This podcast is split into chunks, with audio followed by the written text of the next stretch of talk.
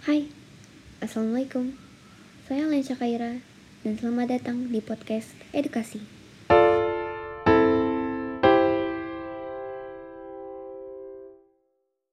Kali ini saya akan membahas novel The Little Prince yang ditulis oleh Antoine de Saint-Exupéry. Novel The Little Prince yang ditulis seorang pilot berkebangsaan Prancis ini merupakan sebuah buku bacaan yang ditujukan bagi anak-anak. Namun, buku ini juga bisa dinikmati berbagai kalangan usia, meskipun target sasarannya anak-anak. Novel ini ternyata berisi banyak pelajaran berharga tentang manusia dengan segala aspek kehidupannya. Kita akan banyak menemukan nilai filosofis dan idealis yang dijabarkan sang penulis melalui perjalanan sang tokoh kecil, The Little Prince, mengelilingi alam semesta. Cerita di novel ini dibuka dengan kisah seorang pilot yang di masa kecilnya merasa kecewa dengan tanggapan orang-orang dewasa atas gambar yang dibuatnya. Tak satu pun orang dewasa yang memahaminya. Sang pilot menganggap bahwa gambarnya masih kurang, lalu ia pun membuat gambar yang lain. Tapi tetap saja orang dewasa tak mampu memahami apa yang dibuatnya. Justru mereka memintanya berhenti menggambar dan fokus pada bidang ilmu lainnya, padahal menggambar adalah kesukaannya.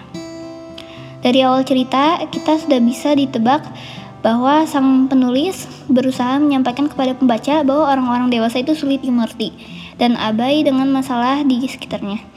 Bahkan untuk hal yang sederhana sekalipun.